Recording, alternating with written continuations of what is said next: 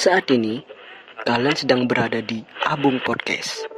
Terima kasih sudah stay tune di sini. Buat kalian yang baru mendengarkan, jangan lupa ikutin terus Abung Podcast dan selalu stay tune agar kalian tidak ketinggalan episode-episode selanjutnya.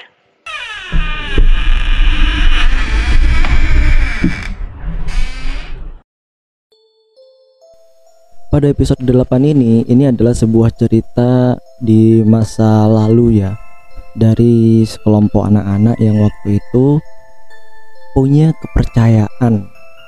Kalau misalnya mereka ingin melihat makhluk halus atau makhluk halus tertentu Mereka tahu caranya. Misalnya ada seorang anak gitu ya Yang ingin melihat eh, pocong misalnya. Itu segerombolan anak ini nih entah tahu dari mana mereka ini tahu caranya gitu. Tapi untuk kebenarannya saya kurang tahu ya. Karena ini hanya sebuah cerita lama. Dan mungkin buat teman-teman pendengar eh, kalau dari saya mungkin tidak usah diikutin ya. Karena ini kita juga tidak tahu kebenarannya ini bisa apa enggak. Atau mungkin bahkan bisa eh, ada hal yang menyimpang dari perbuatan-perbuatan ini. Jadi uh, dulu ini ada uh, sekelompok anak-anak gitu ya di desa. Jadi mereka ini setiap setiap berkumpul gitu, mereka ini dapat info tapi nggak tahu infonya dari siapa gitu. Satu hari mereka pernah ngumpul gitu. Terus mereka saling tukar cerita. Nah, ada satu orang uh, mungkin yang agak agak tua ya di antara mereka. Dia ini kayaknya punya pengalaman lebih lah tentang hal-hal gaib seperti itu. Nah, si anak ini yang agak tua ini dia cerita kalau misalnya kalian pengen melihat uh, hantu pocong, kuntilanak, mm, melihat babi ngepet, melihat tuyul atau yang lain, itu ada caranya katanya gitu. Akhirnya teman-teman yang lain ini ya penasaran hal seperti apa yang bisa dilakukan sehingga bisa uh, menunjukkan hantu-hantu tersebut. Terus uh, caranya ini mungkin kalau menurutku ya ini agak mungkin udah mulai menyimpang sih, udah mulai menyimpang banget kalau dari ajaran agama Islam gitu ya. Misalnya uh, ketika kita ingin melihat uh, pocong misalnya, mereka ini punya apa ya? punya cara katanya caranya ini eh, harus motong bambu. Jadi harus motong bambu mungkin seukuran eh, lengan orang dewasa gitu ya. Atau mungkin bisa lebih pendek lagi. Terus dipotongnya itu runcing miring gitu. Dipotongnya runcing miring. Terus kalau udah kayak gitu katanya uh, si bambu ini harus dikencingin pas waktu surup hari. Pas waktu surup hari kemudian setelah dikencingin uh, tangan dari orang yang ingin melihat pocong ini di bagian jarinya itu katanya harus dilukain pakai silet. Terus darahnya itu di uh, diolesin ke tengkuk di leher bagian belakang gitu. Habis itu air air kencing tadi ini dijadikan buat wudhu. Nah ini yang mungkin sangat menyimpang banget. Tapi nggak tahu dari mana ini kok bisa uh, beranggapan hal yang seperti ini bisa membuat orang melihat hantu kayak gitu ya kan. Terus uh, setelah dibuat wudhu habis itu dia uh, apa ya berdiri aja gitu di antara surup-surup hari antara malam dan siang gitu kan. Surup hari itu kan sekitar uh, maghrib lah udah mau waktu maghrib gitu. Itu kalau menurutku agak serem juga sih. Entah dari mana anak-anak kayak gitu kok bisa obrolannya ya se ekstrim itu. Terus eh, cara lain ketika ada seorang ingin melihat tuyul tuyul katanya ya buat melihat tuyul itu katanya orang yang ingin melihat ini harus uh, mandi di tengah jalan sekitar jam 12 malam gitu. Pakai ember bawa gayung gitu dia harus telanjang dada. Jadi mandinya itu ya entah cuman pakai kolor aja gitu. Tapi harus di tengah jalan jam 12 malam. Nah setelah itu eh, setelah selesai mandi ini orang yang ingin melihat tadi orang yang mandi itu itu harus ngeliat dari bawah selangkangannya. Jadi kayak ngelihat ke belakang dari bawah selangkangannya gitu. Oh iya eh, setelah mandi itu dia harus bawa sisir sama yuyu katanya. Sisir sama yuyu terus kayak dimainin sambil ngelihat ke belakang lewat selangkangannya itu. Itu. Tapi ini kembali lagi kebenarannya bisa atau enggak mending jangan dicoba ya buat teman-teman pendengar. Terus ada lagi eh, ketika kita ingin melihat kuntilanak kuntilanak ya. Caranya hampir sama kayak ketika ingin melihat tuyul tadi.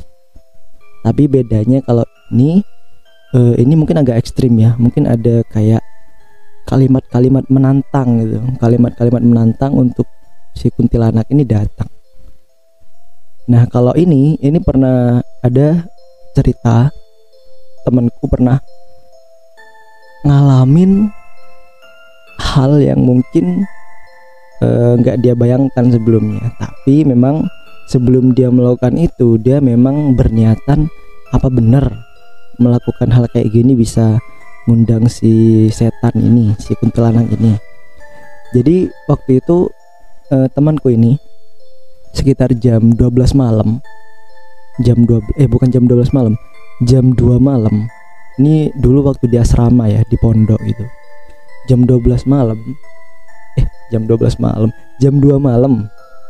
Dia ini ke blok ke depan blok itu ke depan asrama. Tapi yang ada koridornya gitu. Koridor kan gelap kan biasanya kalau malam jam 2 malam itu.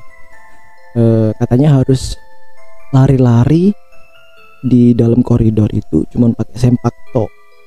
Terus e, habis itu sambil sambil lari-lari dia sambil teriak-teriak kayak sambil nantang gitulah sambil nantang kalau udah baru dia ngelihat lagi dari bawah selangkangannya. Nah terus katanya karena waktu ini waktu itu aku nggak nggak ada di tempat ya tapi kata temennya itu yang ngebarengin dia tiba-tiba dia itu langsung pingsan katanya.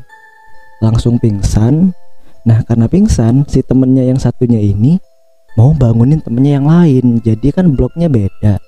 Akhirnya dia lari keluar ke bloknya dia. Jadi mau manggil temen-temennya buat bangunin temennya tadi yang pingsan itu.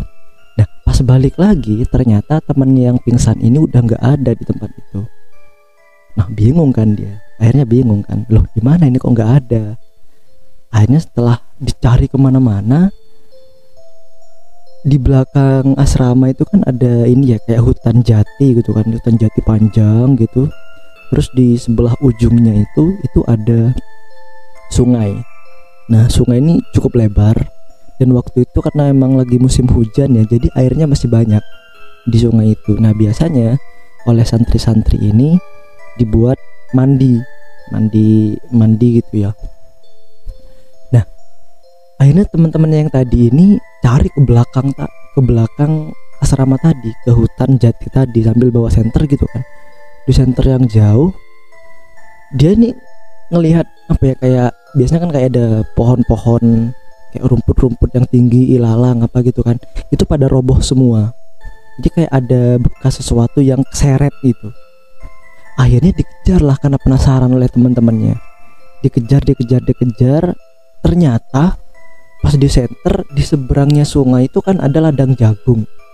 Nah di seberangnya sungai itu juga ada eh, pohon jagung yang roboh semua ngarahnya ke arah sana gitu. Akhirnya dikejar lah sama teman-teman itu tadi di seberangin sungainya.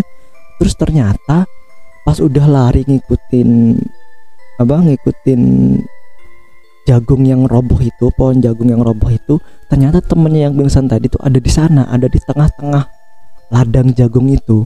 Dan kepalanya ini posisinya nyungsep ke dalam gitu.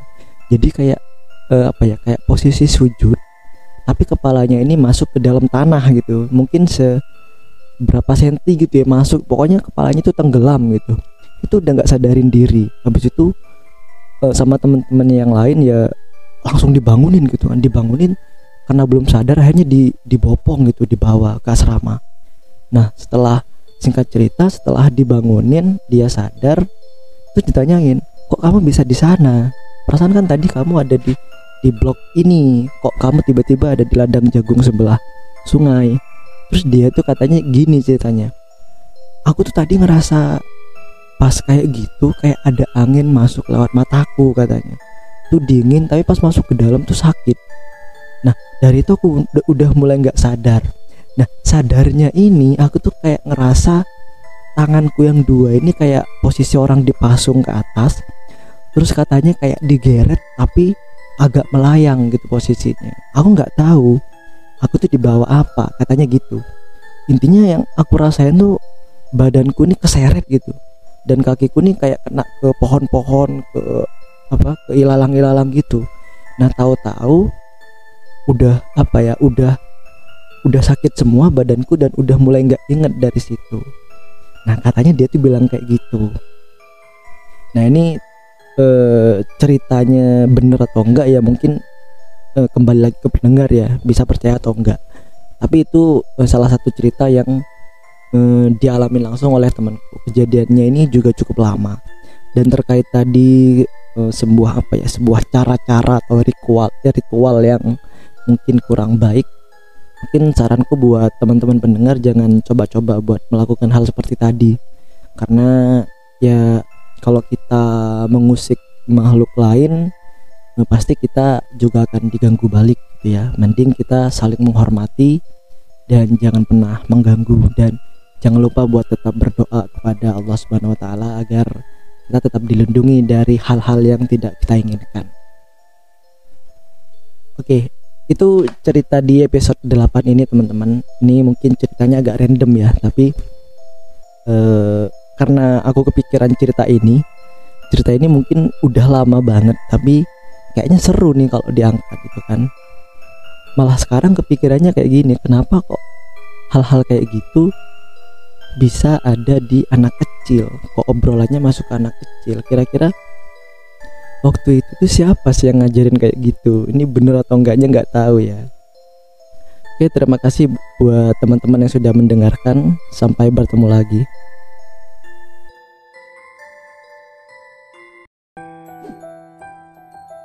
Buat kalian di mana pun berada, jika kalian mempunyai cerita horor atau pengalaman horor dan ingin diangkat di Abung Podcast, kalian bisa mengirimkan cerita kalian melalui email fahrialmaja96@gmail.com.